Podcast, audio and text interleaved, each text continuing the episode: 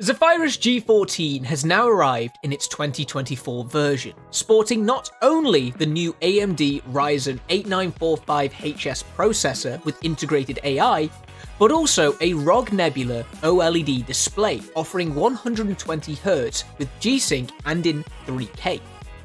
It's a small and compact form factor, but still manages to hold both an M2 drive, lots of memory, and an RTX 4060 graphics card,